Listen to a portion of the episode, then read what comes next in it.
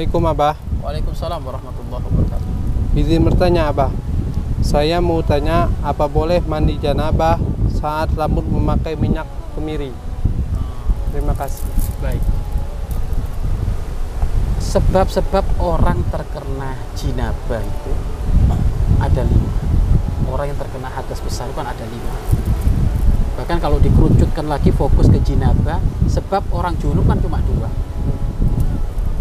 Maaf keluar air mani, baik hubungan suami istri ataukah tidak keluar air mani, maka wajib mandi bes besar. Atau hubungan suami istri walaupun tidak keluar air mani ini juga wajib mandi bes mandi besar.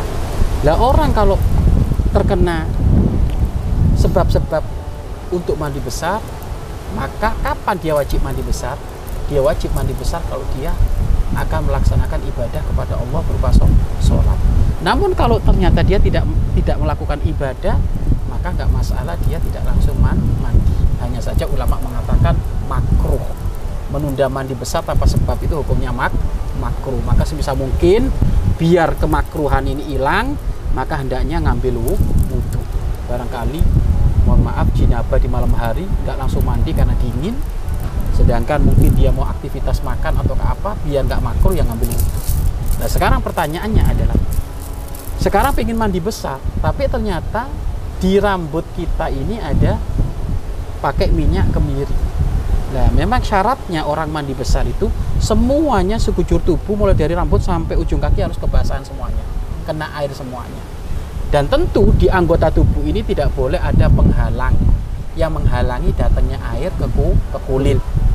Apakah pakai salon pas, hansaplas atau kena cat atau pakai pacar itu kan menghalangi datangnya air ke kulit maka sebelum mandi dihilangkan dulu. Atau kalau tidak ada barang yang yang menghalangi datangnya air ke kulit atau barang yang bisa merubah kemutlakan air. Lah kayaknya kemiri ini termasuk yang merubah kemutlakan air. Artinya apa? Air itu nyampe ke rambut airnya bukan jadi mutlak lagi karena bercampur dengan mi minyak akhirnya air suci namun tidak mensucikan. Kalau seperti itu solusinya bagaimana? Solusinya beresin dulu itu rambut itu, basahin dulu dengan air dengan air sampai hilang kemirinya, baru setelah hilang kemirinya itu langsung mandi bes besar. Kenapa? Airnya otomatis langsung nyampe ke rambutnya dan tidak berubah. Atau kalau memang Anda merasa yakin dengan karena saking seringnya diguyur rambut ini sehingga merasakan apa? Minyak kemiri itu akan luntur sendirinya sehingga dari beberapa guyuran itu akan menjadikan tetap air itu kemurnian air mutlaknya tetap ada maka itu ya nggak masalah.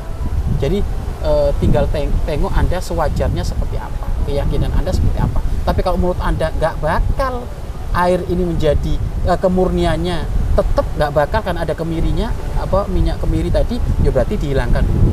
Kalau nggak dikeringkan dulu nunggu kering baru kalau sudah kering nanti air bisa bisa masuk atau air tidak berubah. Jelas insya Allah ya. Jadi orang yang mandi yang mandi besar kok pakai minyak kemiri maka ada dua alternatif agar supaya mandinya sah. Satu keringkan dulu minyak kemiri tersebut. Artinya dihilangkan dulu sehingga baru nanti mandi. Atau yang kedua guyur aja terus. Guyur guyur terus banyak banyaknya agar supaya air kemirinya ini minyak kemirinya habis dengan guyuran air. Wallahu a'lam bishawab